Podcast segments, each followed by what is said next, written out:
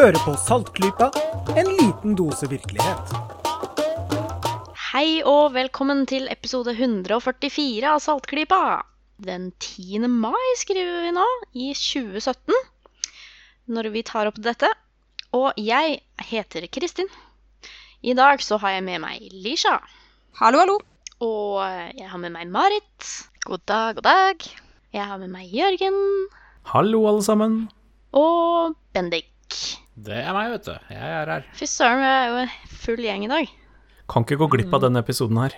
Vi kan ikke det. Dette er, eh, eh, som vi snart skal få høre, noe som eh, en av oss i hvert fall eh, liker å kalle vårens vakreste eventyr. Det har blitt en stor tradisjon i Saltgruppa. Vi har jo faktisk holdt på noen år nå, mer eller mindre.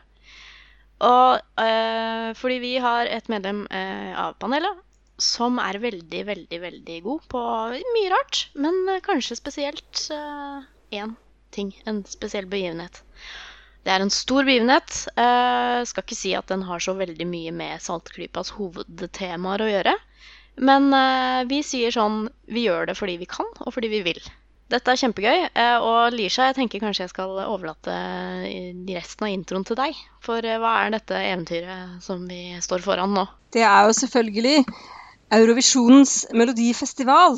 Uh, ja, uh, det var kanskje ikke noe sjokk for våre fastlyttere at det var meg det var snakk om, som uh, er patologisk opptatt av Eurovision Song Contest. Og dette her, vår tradisjon med å ha en spesialepisode det, det begynte vel i sin tid som en slags skeptikergreie, hvor jeg hadde et innlegg om hvorfor det lønner seg å være skeptisk i mange sammenhenger, også denne. Og så har det vel utviklet seg til at vi syns det er morsomt å ta en prat om det på den tiden, selv Ja. om dere kanskje ikke er fullt så engasjert som meg.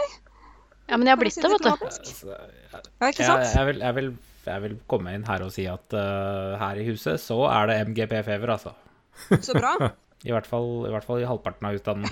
Eh, Jeg skal ikke, jeg skal ikke si hvem, hvem av oss som, eh, som er den ihuga som skal følge med på alle sammen nå. Nei, sånn generelt, så hvis vi kan dele inn befolkningen i fire hovedgrupper, da. Eh, ikke for å fornærme noen som er med i noen mindre undergrupper, men hvis vi deler befolkningen i fire heterofile menn, homofile menn, heterofile kvinner og homofile kvinner, så er det to av disse gruppene som skjønner dette, og to som ikke skjønner det. Da lover dette veldig dårlig for samboeren min. Det er Da liksom tror, jeg, da tror jeg hun kommer til å få seg et sjokk etter hvert eh, når hun får høre sannheten der. Ja, så det er homofile menn elsker deg. Heterofile kvinner elsker deg. Mens derimot heterofile menn og homofile kvinner, eh, de mangler et eller annet eh, Gen? Hva det nå er. Ja, et gen, et hormon. Jeg vet sannelig ikke noe er det. De som regel bare eh, de, de tar det liksom ikke. Jeg har sett, men- jeg har sett unntak. Har Ja, det det. finnes unntak. Det finnes alltid unntak. Det gjør det, heldigvis.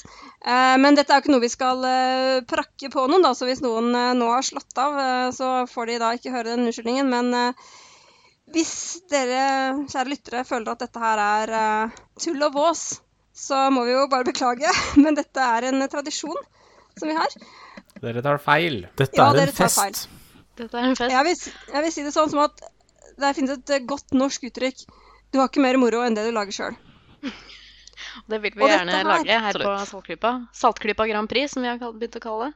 Ja, ikke sant? Liker du Dette ikke podkasten vår pga. dette, så kan du heller lage din egen podkast. Ja, det står hvem som helst fritt. Eurovision er en helt fantastisk anledning til å lage seg moro, da, syns jeg. Uh, I vennegjengen min så har vi en tradisjon om at vi samles hos uh, to av oss som da er gift, og vertinnen lager uh, en bedre middag med mat fra det landet som er vertsland. Wow. Eh, så hun sleit virkelig i 2011.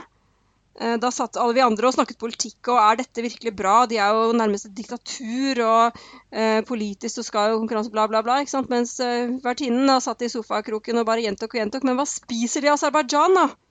Hva er det de spiser i Aserbajdsjan?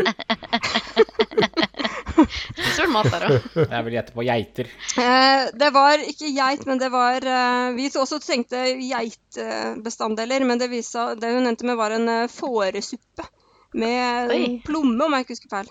Eh, Suppe er da en stor, eh, viktig bestanddel av de aserbajdsjanske kjøkken. Og slike ting kan man lære seg, da. Eh, ved denne ene anledningen hvor hele Europa, nesten hele Europa Og Australia. Det er 43, nei, 42 land i år. Ja, de er litt sånn æreseuropeere. Um, men som vi vel snakket om i fjor, så betyr ikke hvis de skulle vinne, som uh, ikke skjer i år, for å si det sånn. Uh, hvis de skulle vinne, så vil ikke konkurransen av den grunn reise til uh, down under. Den vil fortsatt holde men, seg i Europa. Men, men, nå vil jeg bare spørre, en, spørre om en ting her. Du sier at hvis jeg, For det er Australia vi prater om nå. Ja. Hvis, at Australia ikke kommer til å vinne. Men de har jo sendt Alexander Rybak. og han vinner jo. Ja. Alexander Rybak har jo 100 vinnerrate. For så vidt. Nei, den sangen der, den har Oddsene er eh, veldig dårlige. Og eh, han er jo søt og sjarmerende og sånn sikkert, men Men han ligner jo på Alexander Rybak. Og det, det hjelper han ikke her, altså. Han spiller, han spiller ikke felle. Men det som er, da Skal vi ta eh, Hvor skal vi begynne? Skal vi begynne litt på bidragene i år, eller? Ja, hvem av dere har sett eh, bidrag? Jeg har sett alt. Jeg ja, det, det kom ikke som noe sjokk. Eh, jeg, Nei, jeg, har, jeg, har, sett de som har gått på, på TV hittil. Når vi tar opp dette her, så er vi midt imellom de to delfinalene. Så jeg har ikke, ikke spoila meg på de som skal bli vist på delfinalen i morgen. Men jeg satt jo og så på og, og skreik til TV-en, vil, vil min samboer bekrefte, uh, i går. Og jeg vil si jeg synes det er for mange syngedamer og ballader. Ja, helt det er alltid det jeg ser på Eurovision for å få. Jeg ser på Eurovision for å se kalkuner og menn i drag med stjerner på hodet og uh, Og lange fletter, kanskje? For så vidt. Ja, Carl Drogo var jo kjempekul, og han der autisten som sang for uh, Portugal uh, som, eh, som hadde nervøse rykninger. Hun derre belgiske som sto grein på scenen og, og sånn. Det, det, er jo kjempekult. Og så må jeg si at har det tatt virkelig Hvor lenge er det de har holdt på nå? I, i snart 60 år? Litt over 60 år. Og 62. endelig så har vi faktisk fått en hest på scenen. og en bjørn på scenen. Eller var det en bjørn i fjor? Men vet du hva, Bendik? Vet du hva, Bendik? Da må du glede deg så stort til lørdag. På lørdag da skal Italia De er jo en av de fem store. De er en av de største økonomiske bidragsyterne til EBU. Derfor så kommer de rett til finalen. Og de uh, har i år en helt fantastisk låt. Som de stort sett har hatt alle de årene de har deltatt etter sin uh, lange pause. Uh, og uh, sangeren eh, Francesco Gabbani han skal danse med en mann i gorilladrakt på scenen. Ja, det var den jeg, jeg syntes jeg så, så i går. Ja, da fikk vi se et lite uh, utsnitt da, av til ja, halvparten av de Det gleder jeg meg til. Ja, den... Og ikke minst han derre gærne saksofonisten er tilbake også. Ja. Akkurat den med den italienske, den så jeg også. Og da eh, fikk jeg en veldig sånn skeptikeropplevelse. Eh, jeg satt nemlig og tenkte fordi at eh, han hadde jo sunget omtrent halve sangen. Og så plutselig så var det en mann i gorilladrakt der. Og da tenkte jeg Did you spot the gorilla? Syns du det var det? Han hadde alltid vært der?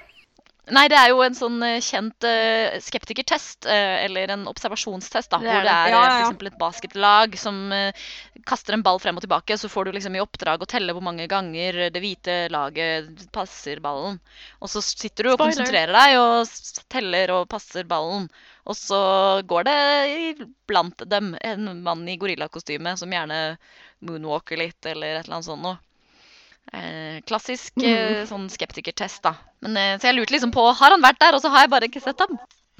ja, nei, I den testen så er det jo typisk at folk blir spurt da når de har fått levere rapporten om hvor mange ganger det hvite laget passet ballen, eller hva det er, så blir de spurt om denne mannen i gorilladrakt. Og mange benekter jo da på det sterkeste at det var noen gorillamann der. Uh, og blir ganske paffe når de senere får se videoen, og der er han jo selvfølgelig. Uh, men ja, det Tro om det vil inntreffe, om det vil inntreffe i år. Ja, Om folk vil benekte ja. at mannen i gorilladrakt var der fordi det var for traumatisk å se. Nei, men dette er Eurovision. Her har folk åpent sinn, for her kan hva som helst skje. Og det vet man. Ja, jeg, jeg vil si at Sverige så ut som en Dressmann-reklame, og Ja. det men, men, men, det var jo ganske stilfullt med de der uh, rullebåndene de gikk på. Jeg likte det var, det var nice dansinga. Ja, det var jo en eh, Jeg syns det også var et sånt visuelt uh, treffende innslag. Men der også tenkte jeg sånn OK, MGP, der skal det i hvert fall være nytt. Liksom, skal det være én ting, så skal det være nytt. ikke sant? Ja, det skal være gorilladress, eller det skal være jodling, eller det skal være ystende melkedamer. ikke sant? Det skal være noe som du ikke har sett på scenen før. Men faktisk sånne rullebånd har vi jo sett før, da. Det var jo uh, OK ja, Go som i sin kan... tid revolusjonerte YouTube-musikkvideoen med uh, dansende rullebånd. Yep. Jeg kan røpe at vi har sett ganske mange syngedamer som står og synger en ballade på scenen også. altså. Ja. Det er sant. Men det er en del av, eh, det er en del av ingrediensene, da, ikke sant. Man må ha alle de klisjeene på, på Eurovision også. Det er en balansegang, fordi du må være såpass original at du skiller deg ut og folk husker deg. Men samtidig så må du liksom ikke være helt uh, psycho og ha flette ned til klærne og uh, skjørt og palettbukse, liksom. Uh, det kan straffe deg, da, som Montenegro opplevde i går. Var det, var, det, i fjor at de ville at Hviterussland ville helst opptre naken og med ulver på scenen, ja. men det fikk han ikke lov til? Nei, det, mm. det, står i reglene at du kan ikke ha levende dyr. Derav eh, denne da gorillakledde mannen, og ikke en faktisk gorilla. Og du kan heller ikke være naken, fordi dette er et uh, familieshow, da. Det skal være approved for all ages, så du kan ikke være naken. Denne Montenegro-innslaget var det Jeg så nemlig en sånn recap da, av alle, alle bidragene klumpet sammen sånn snutter, i, i sum 15 ja. minutter omtrent. Og jeg bet meg merke i Montenegro, eh, sånn apropos homoerotikk, eh, appell til de homofile. Var det han som hadde flettet ned til knærne? Ja. Ja, og som, eh, som, så ut som Karl Drogo. Ja, han så litt ut som Karl Drogo, ja, og han svingte seg meget mesterlig. Ja, mm, så han gikk ikke videre, nei. Det var jo leit. Nei. Ja, jeg syns egentlig det var litt uh, leit, altså. Jeg synes det. Jeg kunne godt tenke meg å se den igjen. Fordi det var kanskje ikke stor kunst. Men det var veldig underholdende. Det er ikke så mye som pleier å være stor kunst, det showet der, uansett. Uh, som eh, Bennik sier, da, så i år er veldig mange sånne uh, syngedamer. Uh, det morsomt var jo i, um, i, i, går hvor det var tre av dem. Ikke bare var det unge, vakre kvinner med langt hår, men de hadde også på seg hvite kjoler. Uh, alle tre. Ja, vi hadde en opptelling i stua her på, på hvor mange hvitekjolede syngedamer det var. Det var tre på rad. Ja, det var tre, og det var, ble vanskelig for publikum å holde dem fra hverandre. Det var ganske tydelig i resultatene. Den som uh, utvilsomt gikk gjennom, var den som da hadde på seg knallrød kjole. Så um, det var litt lettere å bite seg merke i det. Det lønner seg for eh, artistene på forhånd å finne ut eh, liksom, hva de andre skal ha på seg. Ja. Og alle de som sier at damer ikke liker matematikk, nei, de får bare sette seg ned og regne på kjolestatistikken fra MGP, så skal man nok se at man får det på plass. ja, Morsomt hvordan vi kan vri, eh, vri eh, alle temaer innen Eurovision til å handle om noe som er kult og vitenskapelig. Ja, det, det lar seg gjøre. Ja. For det er en Den er så omfangsrik. Det er jo verdens største TV-begivenhet. Eh, Seerrekorden var satt under i fjor. Hvis man slo sammen seertallene for eh, alle de tre showene, da, første og andre delfinale og um, semifinale, unnskyld, og finalen, så var det altså over 200 millioner mennesker som fiksa dette her. Og det er eh, Ja, det er mye. Det er en betydelig andel. Det er veldig mye. Det er veldig mange. Og det er jo ikke bare i Europa, men det er jo over hele landet. I fjor så ble det vist i USA for første gang. Uh, det er mange asiatiske land hvor det finnes masse fans. Og Australia er jo så besatte at nå har de til og med fått lov til å være med. Uh, så det Det syns jeg er kult at Australia får lov til å være med bare, bare, fordi de spurte pent, liksom. De tigget seg til det. Og bearbeidet EBU i årevis. Og så var det jo slik at når man feiret 60 år i forfjor, så ville man slå litt på stortrommet og finne på noe nytt og gøy. Og da fikk jeg Astral lov til å være med, og syntes de det var så utrolig kult. Og folk tok så godt imot dem at nå får de lov til å være med. Ja, det er ikke satt noen begrensning på det, men de, nå må de kvalifisere seg. Eh, som eh, de andre, da. Første året de var med, så fikk de rett i finalen bare for det var så kult å ha en æresgjest for å feire 60-årsdagen. og de klarte jo det. De kom, eh, kom seg gjennom. Eh, og jeg må bare si det bidraget det surfer på at store deler av publikum forstår ikke godt nok engelsk til å følge en sangtekst i tre minutter. uh, for det Tror veldig er mange skulle ja, på det. Mm. Veldig mange gjør det. Men denne her sangen den handler om det australske bidraget. snakker vi også om nå. Det handler om at uh, kjærligheten er vanskelig. da, Den heter 'Don't Come Easy'. heter sangen, og Det handler om at kjærligheten er vanskelig, og han har blitt brent så mange ganger at han vet ikke om han tør å satse igjen. Uh, og altså liksom alle gangene han har fått hjertesykk bla, bla. Han er 17 år gammel, og han ser ut som han er 13. han var veldig søt. Hadde boyish charm. Du er jo ikke ferdig på ungdomsskolen engang. Skjerpings. For, for, for, å være helt ærlig så tror jeg annet enn Ein Zwei Polizei så har jeg aldri hørt en eneste Eurovision-sangtekst. jo, jo, Nocturne kunne jeg, vet du. Kunne ja. jeg på ramsen. Kunne jeg på piano. Alle 28 ordene. Alle, ja, var det så mange? Var det ikke 24? Ja, det var 28. Jeg mener, ganske bestemt det var 28.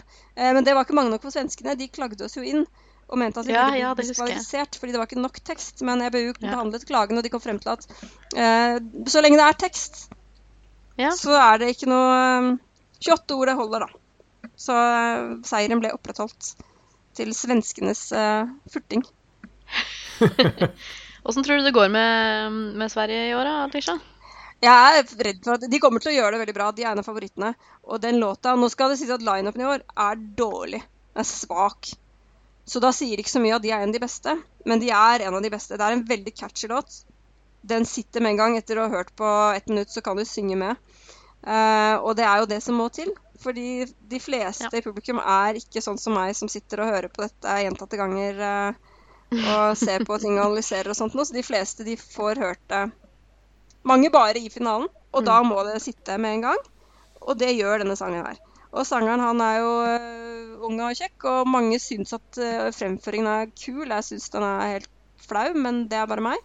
Um, det er ikke bare deg, nei. OK, bra. det er bra.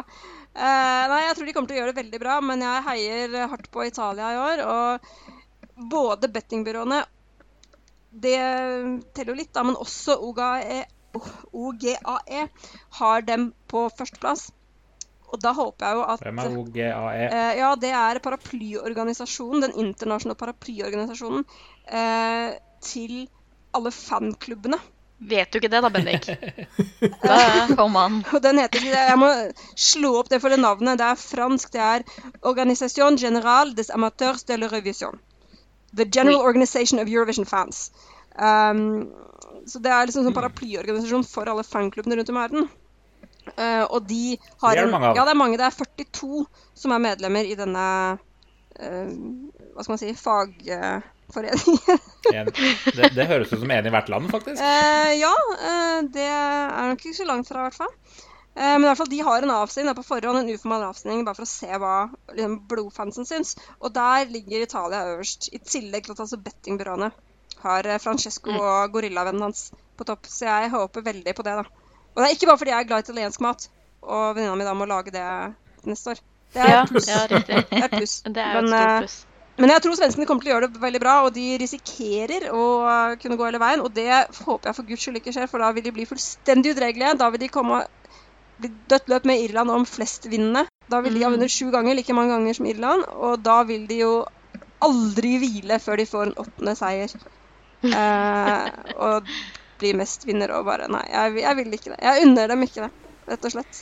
Så smålig er jeg. Men, men, men, men, men, men, men uh, Italia-favoritt. Men alle norske medier driver jo bare skryter av at den norske sangen er jo den mest sette av alle sammen. Ja, det stemmer rett og slett ikke med virkeligheten, dessverre. Må jeg bare meddele. Er det fake news? Det er, ja, det er fake news. Nei, altså, jeg synes ikke noe om den norske sangen.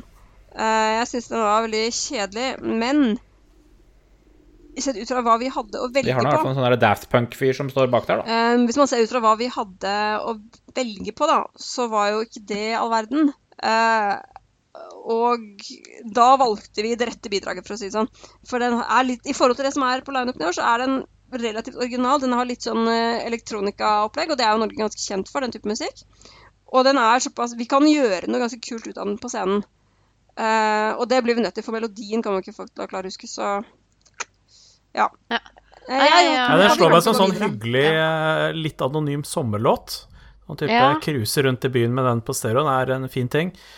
Men jeg, når jeg ser, hørte litt på resten av musikken som kommer, så tviler jeg på om vi kommer særlig høyt på lista med den der, altså. Ja, jeg, altså, har ikke noe troa i år, men Man kan jo ikke ha en, eh, en, Man kan jo ikke ha en Man må liksom ha en egen skala hvis man personlig skal dømme disse låtene. Altså, vi kan ikke sammenligne den låten med f.eks. annen musikk jeg hører på hver dag. Nei, du må jeg, se det i Eurovision-universet. Ja, ikke sant? Og sånn sett så syns jeg den norske bidraget er eh, greit. Det kommer sikkert ikke på topp tre, men det, det, er greit. Ja. Så en grei låt. For min del så er det egentlig det eneste jeg ber om, da. Det er at vi ikke driter oss fullstendig ut. Det er egentlig det eneste jeg ønsker uh, av bidraget vårt. Så lavt uh, setter du terskelen? Ja, såpass lavt. Ja. Uh, og det tror jeg at vi driter oss ikke ut i år. Nei. Nei. Nå har det blir ikke noe vært... van Eijk, liksom? Nei, det er ikke, for liksom, det er ikke Rune Rudberg. Nei, det ble det. um, dette er liksom en, det er en helt grei låt i en sjanger som folk forbinder med Norge. Ja. Uh, og den kommer forhåpentligvis til å se ganske kul ut. Uh, og den, det er også en sjanger som det, det, er, det, er, veldig mye likelydende låter i år. Det er veldig mye sånn uh, låter som er fine å høre på. Men uh, fem minutter etter at du er ferdig med dem, så kunne du ikke nynne dem om det sto om livet. det gjelder jo for så vidt fjorårets vinner, da. Den er jo totalt unynnbar. Ja, men den er liksom ikke er, Du klarer ikke å nynne den. Det er fordi den melodien ikke lar seg nynne. Det er ikke fordi, du, det er ikke fordi den er så forglemmelig. men den type sanger er det veldig mye av i år, syns jeg. Um, mm. Sånne syngedamelåter som Bendik, Bendik påpekte at han syntes det var altfor mange av. Uh, mye dopauser? Ja, ikke sant? Veldig mye dopauser. Altså, noen år, f.eks. i 2015, da, så er det, er det mer liksom eksperimentelt. Da, at det er, det er, større bredde i sjangerne og slik. Uh, og det er det ikke i år. Uh, Nei, jeg hadde en veldig sterk opplevelse av det. Jeg, jeg, har klart å unngå å høre noe som helst fram til jeg skulle gjøre litt research dette her for et par dager. Og da satte jeg på bare en eh, YouTube-kanal med alle bidragene. Uh, jeg har ikke kommet med alt, men jeg starta bare sånn for sikkerhets skyld for å høre på det norske bidraget. Hva er det for noe? Og så jeg, ah, ok, det var ikke min favoritt, men hei, her var det kul elektronika i bakgrunnen der, og det var litt sånn spennende arrangement, og dette lovet egentlig ikke så gærent. Men da jeg har hørt gjennom en 15 låter til, så var det ja, her var det i hvert fall ti låter med spennende elektronikaarrangementer i bakgrunnen. Og det er det faktisk mye av. Jeg hørte på gode hodetelefoner og, og faktisk hadde gode opplevelser av å høre på veldig mye av det. Eh, men det er veldig mye av det samme, det er jeg helt enig i. Ja. Eh, det er det. Og da skal det ikke så mye til å skille seg ut. Og eh, kanskje takket være i hvert fall delvis det, så gikk Portugal videre da, med en låt som i denne lineupen var veldig spesiell. En kjempefin uh, ballade som han synger på portugisisk. Og som Bendik sier, har det kanskje litt spesiell scenefremtoning. Uh, ja, men jeg synes det var kult. Han, han så liksom litt, litt, genuin ut. Ja, han er veldig engasjert og går veldig opp i låta. Og uh, der ser man en fordel med å synge på sitt eget lands språk. Portugiserne de gjør jo det på prinsipp. De har hatt et par låter hvor det var mm. type um, refrenger på engelsk eller noe sånt. Noe, altså litt engelsk, men også portugisisk. da, men De har aldri hatt en låt helt på engelsk, og som regel så er det bare portugisisk. Og en av fordelene med det, det er at da kan du virkelig legge sjela di i det. Uh, F.eks. da Serbia vant med en sånn veldig dyster og deprimerende ballade. Den var jo på serbisk. Og det tror jeg var en sterkt bidragende årsak, fordi engelsken hennes hadde ikke vært god nok til at hun hadde klart å leve seg inn i det på den måten.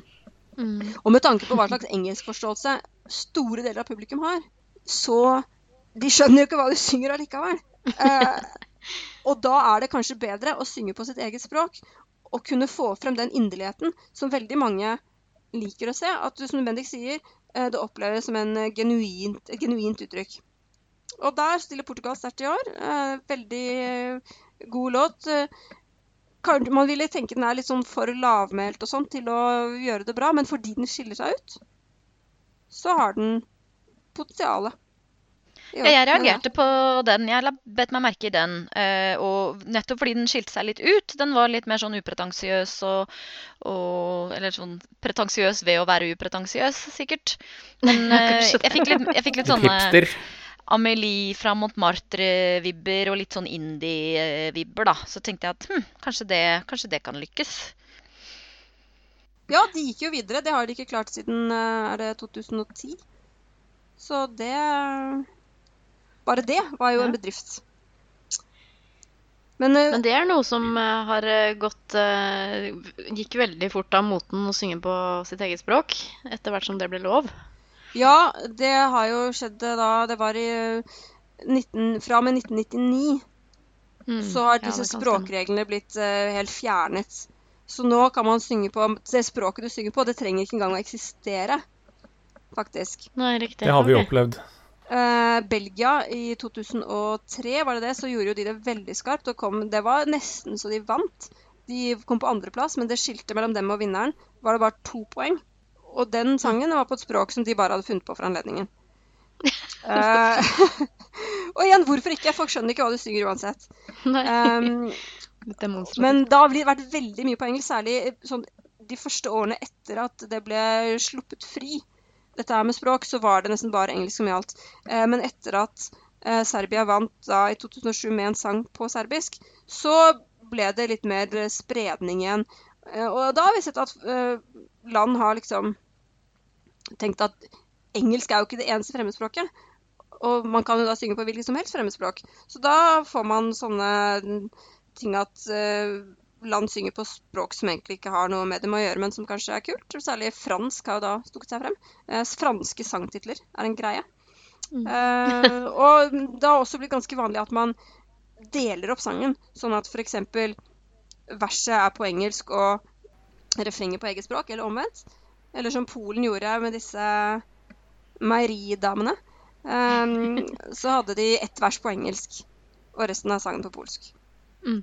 Så får man kanskje det beste av begge verdener på den måten. Jeg har lyst til å spørre litt uh, politisk nå, jeg. Ja. Fordi, fordi det, det, var jo noe av det vi begynte med å prate om uh, her. Sånn uh, hvem sånn for mange år siden når vi, når vi, skulle prate med dette her, hvem stemmer på hvem, og hvilke blokker har vi, og, og sånn. Ja.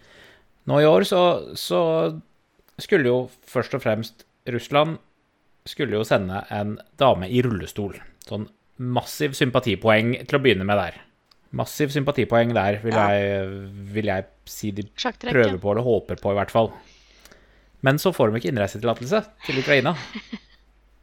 Det er så bedømt. Liksom, er, er, er, dette Hvor mye av dette her er bare sånn derre jeg, jeg, vil ikke kalle det spite for, fordi Russland har invadert Krim, men For det, for det har de jo, men liksom Altså, Det der er faktisk en interessant sak. og det er bra what, du tok det What's giving her, liksom? Nei, der er det nok mer Det er, ligger mer bak den saken her. Jeg er glad du tok opp det, Bennik, for det ligger mer bak der skjønner du, enn det som har kommet frem, i hvert fall i norske medier. Eh, fordi det som har skjedd, er jo da at Russland valgte denne sangeren, og hun er en helt legitim artist. Altså hun er, hun er ikke en gimmick bare fordi hun sitter i rullestol. Og det er forresten litt interessant. Hun har en sykdom, en sjelden muskelsykdom. Uh, og hun har ikke mottatt I mange mange år så mottok hun ikke uh, noen ordentlig behandling for den, altså profesjonell legehjelp, men foreldrene sendte henne til alle mulige, som hun i dag selv kaller det, sjarlataner. Eh, med forskjellige alternative behandlinger. Og det hadde selvfølgelig ingen virkning, og hun ble faktisk eh, heller mye verre. Eh, og i dag er tilstanden helt uhelbredelig. Og det skylder hun da delvis på dette med alternativ medisin som hun ble påtvunget da, av foreldrene i yes. en årrekke. men det er litt på siden av saken. Det som skjedde, var at hun altså ble valgt ut. og alt var i orden, så det ut til. men så kom dette frem, da, at hun i 2015 holdt en opptreden på Krim. Og det er, så, og det har hun innrømt at det skjedde, det stemmer. Det er ikke noe som er funnet på. Det gjorde hun virkelig. Og det som er feil med det, er ikke det at hun som russer har vært på Krim, men det er det at hun har reist via Russland. Og Ukraina godtar ikke det. De god, mm. for at dette skulle være akseptabelt, så måtte hun ha reist via Ukraina. Så kommet inn på Krim via ukrainsk territorium. Uh, for ellers så er det da brudd på Uh, ukrainsk lov, og de innlegger automatisk innreiseforbud da, mot folk som gjør det. Uh, og EBU var veldig skuffet over Ukraina, som valgte å være så strenge. da, For de har jo tidligere, når de var vertskap i 2005, så valgte de å midlertidig sette til side visumreglementet sitt. For de krevde jo visum da, for innreise fra en rekke land hvor, som var fulle av Eurovision-fans som gjerne ville komme. Og da valgte de å bare drite i hele visumgreia og la folk bare komme valsende inn. Eh, for konkurransen. Så de har jo vist at de kan gjøre unntak.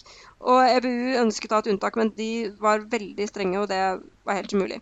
Så da ble tilbudet for Russland først at kunne uh, Hun kunne få opptre uh, via satellitt. Altså at man valgte ut en venue i Russland eller hvor som helst, egentlig. Bare ikke i Ukraina. og overførte dette via en sånn videolink. Men det ville russerne ikke, og det ville egentlig heller ikke ukrainerne. Men det ble jo Det kom aldri så langt, da, for russerne avviste det tilbudet. Og så ble jo russerne også tilbudt om de kunne sende en annen, den som kom på andreplass. Men det ville de heller ikke. Så da, ble de, da trakk de seg fra hele konkurransen. Men, og det her er jo Det har jo norske medier dekket. Men hvis man ser litt nærmere på det, så kan det se ut som om dette egentlig var planlagt hele tiden. Og at russerne faktisk aldri har tenkt å delta. Fra Russland. At de aldri har tenkt å delta. Fordi de har F.eks.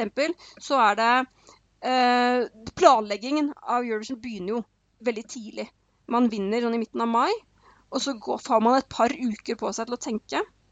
Og så må man si fra vi tar imot invitasjonen, vi tar ikke imot invitasjonen, og så begynner det. Så første sånn seriøse planleggingsmøte var type 8.6 i fjor. Eh, og da skal hver av de landene som ønsker å delta, de må velge en uh, delegasjonsleder. Og de, den personen må reise da, til vertslandet en del ganger. Det er møter, og der skal du være personlig til stede. Og den russiske delegasjonslederen har ikke vært til stede på noen av disse møtene. Uh, og en annen ting som er ganske vanlig, eller egentlig nesten obligatorisk, det er jo det at man booker hotellrom til delegasjonen veldig tidlig. Delvis for å være sikker på å få et sted å bo, fordi byen blir jo smekkfull eh, de to ukene.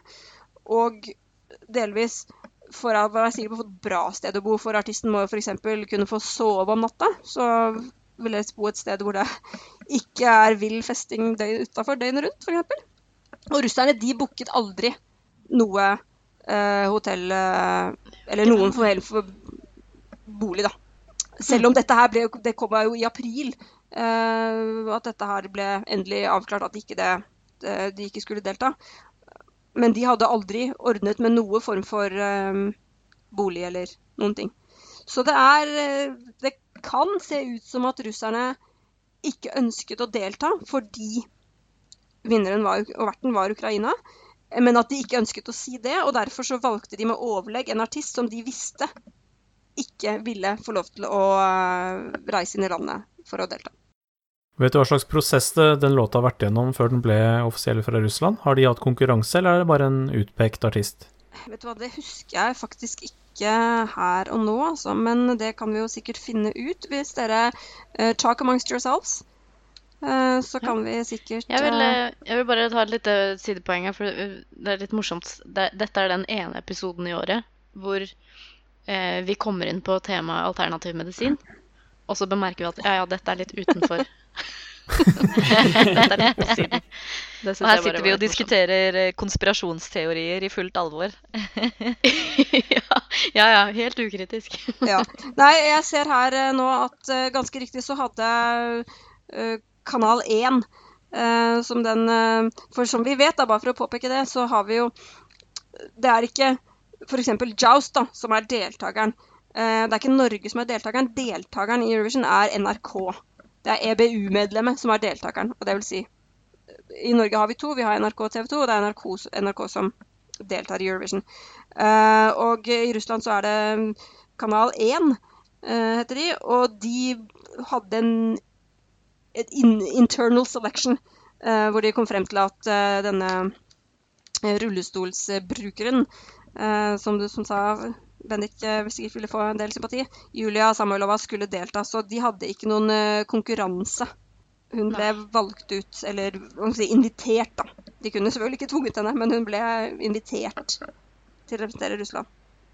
Ja, Det styrker jo en uh, konspirasjonsteori, akkurat det, altså. Det gjør det, og jeg skjønner jo for så vidt godt at russerne de vil ikke virke som pingler, selvfølgelig, ved å si at nei, vi vil ikke dra til Ukraina, men samtidig at de ikke ønsket å delta. Det, jeg har for forståelse for det, selv om det er, jeg må si det er en situasjon i så fall som de har satt seg selv. Så jeg har forståelse, men kanskje ikke så mye sympati på problemstillingen. mm. Mm, kanal 1 burde ikke invadert Krim, altså. Det er helt klart. Det har jo vært uh, intriger på dommerfronten òg, har jeg så vidt fått med meg.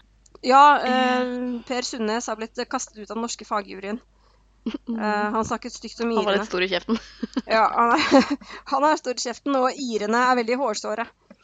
Eh, for det er klart at ja, han, han uttalte seg offentlig om en, uh, om en sang? Ja, ikke, ja, på dette programmet som NRK viser, Adresse, årets hovedstad, eh, så har man da noen uh, ta, snakkende hoder som uh, hører på låtene eller ser på låtene og sier litt hva de synes. Det er klart at da må man jo si hva man synes, da. Det er jo hele opplegget med det programmet. Uh, og det er jo ikke noe unikt for uh, Norge at man har slike bli kjent med bidragende-program. Uh, og det er ingen andre som har klaget på det. Det er Irland som har klaget, og de er veldig såra av vondbrotene. Av flere grunner. Uh, de var jo Eurovisjonens herskere en gang i tiden. Men det begynner å bli veldig lenge siden. Ja, altså de, de Nei, de, altså, de holdt jo på å vinne den norske i år også, så det skulle jo bare mangle, liksom. Ja, nei, de vet jo, de kan jo lage musikk. Uh, så Det er det jeg alltid sier. Men altså, det her er jo en av de tingene som vi krangler på alltid. Fordi, fordi hver gang vi møtes i person, så, så ender vi faktisk opp i å krangle om Eurovision. og jeg påstår jo at uh, Og jeg påstår jo at Irland kan når som helst bare ta Johnny Logan ut av fryseren og tørke støvet av han og sende ham til hvor enn det skal være, og så vinner de igjen. Og du svarer bare Nei, det er, det, de er ikke så gode lenger. Ikke, det, den tiden er forbi, liksom.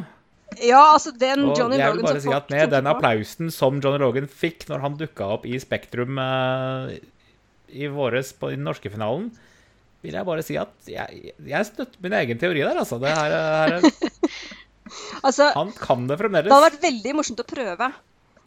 Men det man skal huske på, er at de som sitter i salen der, de er eh, litt over snittet interessert. Og det er en viss fare for at eh, når Hvis han da skulle stå på scenen for Irland i en internasjonal finale i f.eks. la oss si Roma til neste år, da. Eh, et tilfeldig valgt eksempel. Eh, så, eh, så ville betydelige andeler av eh, de stemmeberettigede da, si hvem er den eh, gamle gubben her? Og rett og slett ikke Dessverre være så historieløse at de ikke ville bli passende imponert over at Mr. Eurovision nok en gang sto på scenen. Men den store fordelen med det tror jeg ville vært at han ville ikke være sånn påklistra irsk som mange av de irske bidragene har vært. De skjøt seg selv jævlig grundig i foten i 2008 når de sendte denne kalkunen Altså helt bokstavelig talt så var det en kalkun. Blasfemi! Og du vet, blasfemi er ulovlig i Irland. Ja. Eh, det var ikke bare en metaforisk kalkun, men det var en rent bokstavelig kalkun. Og han var kjempepopulær i Irland, men de tok ikke med i beregningen tydeligvis at de kan ikke stemme på sitt eget bidrag. Eh, og ingen andre ville stemme på det heller. Og da gikk det som det gjorde. Og veldig mange, eh, særlig i Øst-Europa, de mista veldig sansen for Irland etter det stuntet der. Fordi de følte at eh, det var egentlig å gjøre narr av alle som tar konkurransen seriøst. Og det er mange som gjør, og særlig østeuropeere. Uh, og etter det De syns jeg tar feil. Ikke ta denne konkurransen her seriøst. Etter 2008 så har det gått veldig dårlig for Irland, og de har hatt en tendens til å legge veldig vekt på det irske elementet. da, At uh, i bakgrunnsbildet så er det liksom sånn keltiske knuter, ikke sant? Eller du har irske dansere som uh, overhodet ikke passer inn. Og det blir som Sangen kan for så vidt være fin, men så sitter det en person på raden bak deg og skriker inn i øret på deg hele tiden 'Irland, Irland, Irland, Irland'. Irland, Irland. Og ja, vi veit at det er Irland. Det er derfor vi ikke liker det. For vi liker dere ikke lenger. Og derfor så må dere slutte å minne oss på at det er Irland. Hvis vi glemmer at det er Irland, så kanskje vi stemmer på det. Men det har de mislykkes med gjentatte ganger. Men jeg tror at Johnny Logan han ville ikke være så dum at han eh, danset irsk dans foran eh, en enorm keltisk eh, knutedesign. Så akkurat der, der tror jeg de ville fått til et eh, show som var mye mer, eh, hadde mye mer bred appell. da. Så akkurat der så kan jeg være enig, men det at han er Johnny Logan, det tror jeg mange publikummere Det tror mange 14 år gamle russiske jenter for eksempel, som ikke ville forstå hvor stort det var, rett og slett. Der fikk du den, Bendik. Beklageligvis. Men jeg syns gjerne de kan prøve det. Jeg støtter at de skal prøve det. Så det er bare for min del. Eh, kjør på. Men du, Lisha, du har jo sånn det, jo, det, vi jo, det, minner vi jo lytterne på hvert år. Du har jo en YouTube-kanal hvor du bare har skikkelig bra gjennomganger av alle disse bidragene, du. Ja, jeg lager en liten videosnutt om uh, hvert enkelt bidrag, som er selvfølgelig kun min mening. Uh, men det, det, er ikke alle som klarer seg innover det. Jeg får noen sånne kommentarer om at uh, når jeg sier denne låta synes jeg personlig ikke er noe særlig, så får jeg kommentarer om at du tar feil. og det er sånn at OK, det, den diskusjonen kan jeg ikke vinne. Uh, men uh, uh, men ja, det er litt interessant å se, da. fordi det som mange mener, er jo at kan, interessen på YouTube er en ganske god pekepinn på hvordan det kommer til å gå da, med de forskjellige bidragene. At hvis ingen ser på det på YouTube, så er det ingen som kommer til å stemme på det heller. Og det har vist seg at det stemmer ganske så bra, da. og da må jeg si at de, song, de videoene som har vært vist på min kanal, de omtalene, helt klart mest, hands down uten sammenligning, det er Italia og Portugal. Det er de som de er det ekstremt mye mer interesse for enn noen av de andre videoene jeg har laget i år. Så det føler jo jeg Sier sitt. Ja, det, det, sier sitt. Og det er akkurat uh, Det er den retningen jeg vil det skal gå, da. Så jeg Ja. ja vi, vi, håper jo Vi håper jo å få denne episoden publisert før finalen på lørdag. vi satser hardt på det. Jeg vil ja. stå opp ganske tidlig for å få den ut. Der, der tvang jeg meg selv til å Men uh, om ikke annet så er dette en sånn uh, Hvis den skulle kommet på søndag, da, f.eks., hvis det verste skulle skje, så er dette i hvert fall en, en, en veldig kul ting å høre på i etterkant. Hvor vi eventuelt får da høre hvor rett vi hadde, eller hvor ekstremt feil, feil vi tok. Ja. ja. Ja. Merk at jeg ikke har spådd noe som helst. Jeg tar alltid fullstendig feil. Så jeg, jeg kan si hva jeg synes om ting og sånn, men jeg spår ingenting. Jeg har ikke hørt uh, mange nok bidrag. Jeg har hørt en tre-fire stykker, så Jeg tror Portugal! Jeg tror Portugal! Nei da, jeg vet ikke. Det hadde vært veldig kult, fordi de hadde Moldova! Moldova! Nei, fysj. Uh, det vil jeg ikke se. Jeg ble skuffa når de gikk videre, for da må jeg høre den sangen igjen. Uh, den var, ja, sangen var catchy nok, men det var jo de eh, bakgrunnsdanserne som begynte i sånne der vanlige skoleuniformantrekk, og så bare dro de med en snor, og så vips, så hadde de på seg brudekjoler i stedet. Det var jo bare fantastisk. ja, man må være litt kreativ for å skille seg ut. Ja. Uh, og ja, det var mange hvite kjoler, men noen brukte dem bedre enn andre, da, for å si det sånn. Margaret Berger er så trendsetter, ass. det var jo den hvite ja, kjolen, tok... vet du. I feed you my love, År, den som starta alt. Men uh, ja, der gjorde vi det skarpt. altså. Det var, det var et godt eksempel på hvorfor folk, mange fans da, internasjonalt syns at Norge er veldig interessante. fordi i 2012 så sender vi en sånn utrolig søppellåt som bare er helt flau, og som så vidt klarer seg til finalen på et eller annet merkelig vis, men like gjerne kunne spart seg det, for der fikk vi tre poeng. Var det? Det, Nei. Ja, det var det. Og da er det ærlig talt bedre å bare drite i det. Og så året etter så sender vi en så superkul låt og kommer liksom på femteplass. Du veit aldri med Norge. Uh, vi har Nei, hele spennet. det mest ubrukelige altså. til det beste. Ja, det har vi virkelig. Uh, vi har kommet uh, Det har lytterne våre sikkert kjennskap til, men vi har altså kommet sist flere ganger enn noe annet land. Elleve ganger har vi kommet sist. Det er en liten sånn reality check, altså. ja, og vi har fått null poeng. eh, flere ganger enn noe annet land. Vi har fått det fire ganger. Men samtidig så har vi altså vunnet tre ganger, og vi har satt rekord for flest poeng og for flest tollere. Det er de to andre rekordene våre. Så det er virkelig eh, Norge, du vet aldri hva du får. Nei. Sverige, eksempel, der vet du alltid hva du får. Ja. Norge vet du aldri. Så det mange liker oss, da. Det er hyggelig. Bortsett fra når de ikke gjør det. Ja. Men det er litt uh, morsomt, morsomt, å høre den statistikken over nullpoengerne og uh, sisteplass. For det er, sånn som ikke jeg hadde Jeg visste at vi hadde fått null en del ganger, men sånn ja. Oi, OK. at det var flest ganger av alle. Det visste du ikke. Og hvor mange, av de, uh, ikke, hvor mange av de manglende poengene er det Jahn Teigen som mistet? det er nok uh, en del, altså. Eh, han var vel den første, aller første nullpoengen vår, var vel Jahn Teigen, så han kan si satte det i gang. Eh, men jeg vil si, jeg ser det sånn ja, at det der med at vi både har vunnet tre ganger, og det er ikke så mange faktisk som har klart å vinne såpass mange ganger. Tre er en hel del. Um, men vi har også da kommet sist så mange ganger. Det viser for meg da, at vi er ikke redde for å prøve oss frem. Vi er ikke redde for å teste ut og se Funker dette? Nei, det funker det... absolutt ikke. OK, da prøver vi dette. Funker det? Og det funker kanskje veldig bra. Hvem vet? Det er eh, mye av sjarmen, da. Ja, ikke sant. Du veit ikke hva du får, og det syns jeg det skal være i Eurovision. Du skal ikke vite hva du får. Det skal være, det skal være et overflødighetshorn av helt ja. uh, sprø greier. Eh, menn i, med flette- og paljettbukser og gorillaer på scenen og Altså, det skal, det skal være en anledning til å slippe seg løs og prøve Gamle damer i folkedrakter som synger i kor og plutselig blir kjempefengende, f.eks. Ja, ja, ja. Drag queens med Ja. stjerne på hodet. Og forundre seg over hva, alt hva mennesket kan finne på. Og så, når det hele er over, så kan man uh, sitte og lure på om man faktisk uh, så gorillaen. Men sånn, eh, begynner vel å nærme oss eh, slutten nå, Lisha. Men eh, du har jo en Du har jo en sånn ressursbank for oss. Kanskje du vil bare avslutningsvis dele hvor du syns folk vil, kan gå når, du, når de skal holde seg oppdatert? Ja, altså det stedet som er liksom alle, alt du trenger da, på et sted. Det er jo konkurransens egen hjemmeside, Eurovision.tv.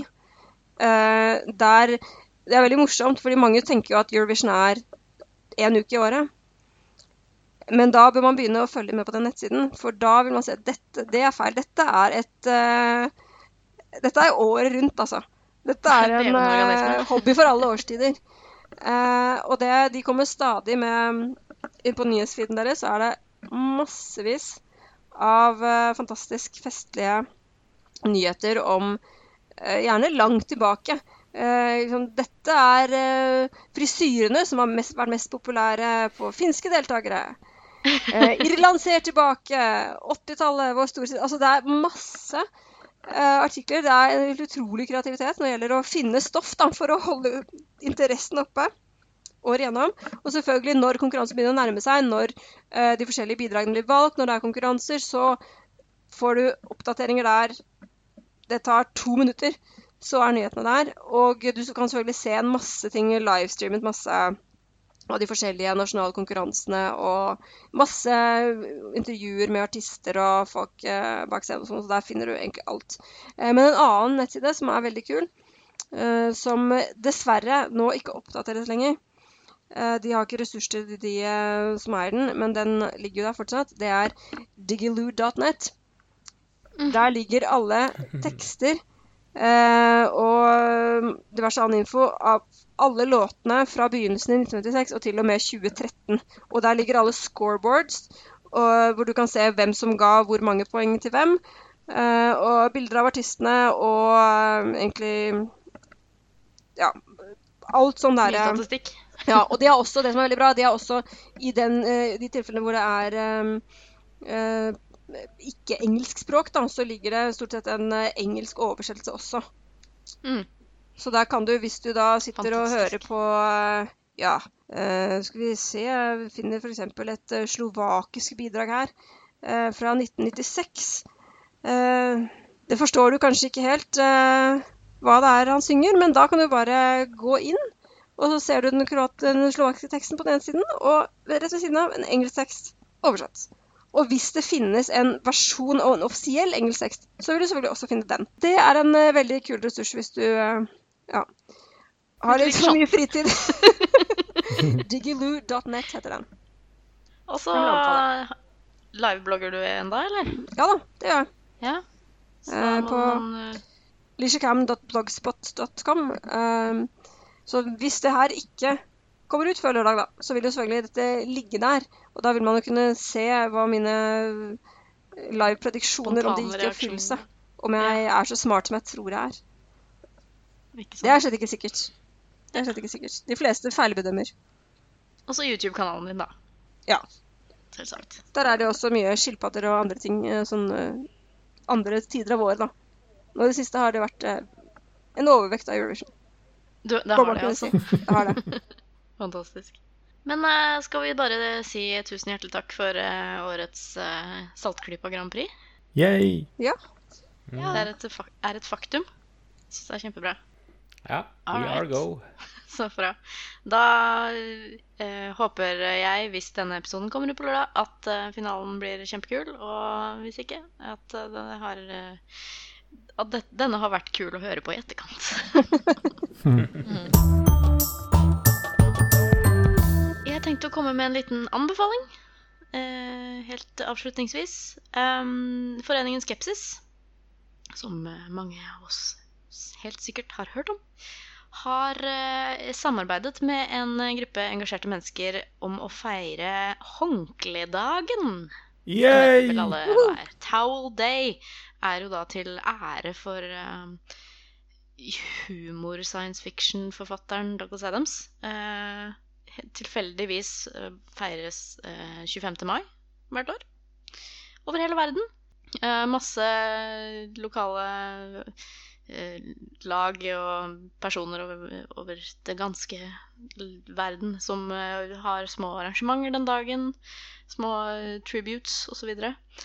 I Oslo så er det som sagt da et par eh, veldig kule folk. Har ofte Vi har også eh, Vi som har vært med å arrangere skepti Skeptikere på puben i Oslo, har også eh, samarbeidet med dem før. Eh, nå har de laget en Facebook-side for Towel Day. Eh, det skal feires, og det er i hele to deler, faktisk. I samarbeid med Skepsis, altså.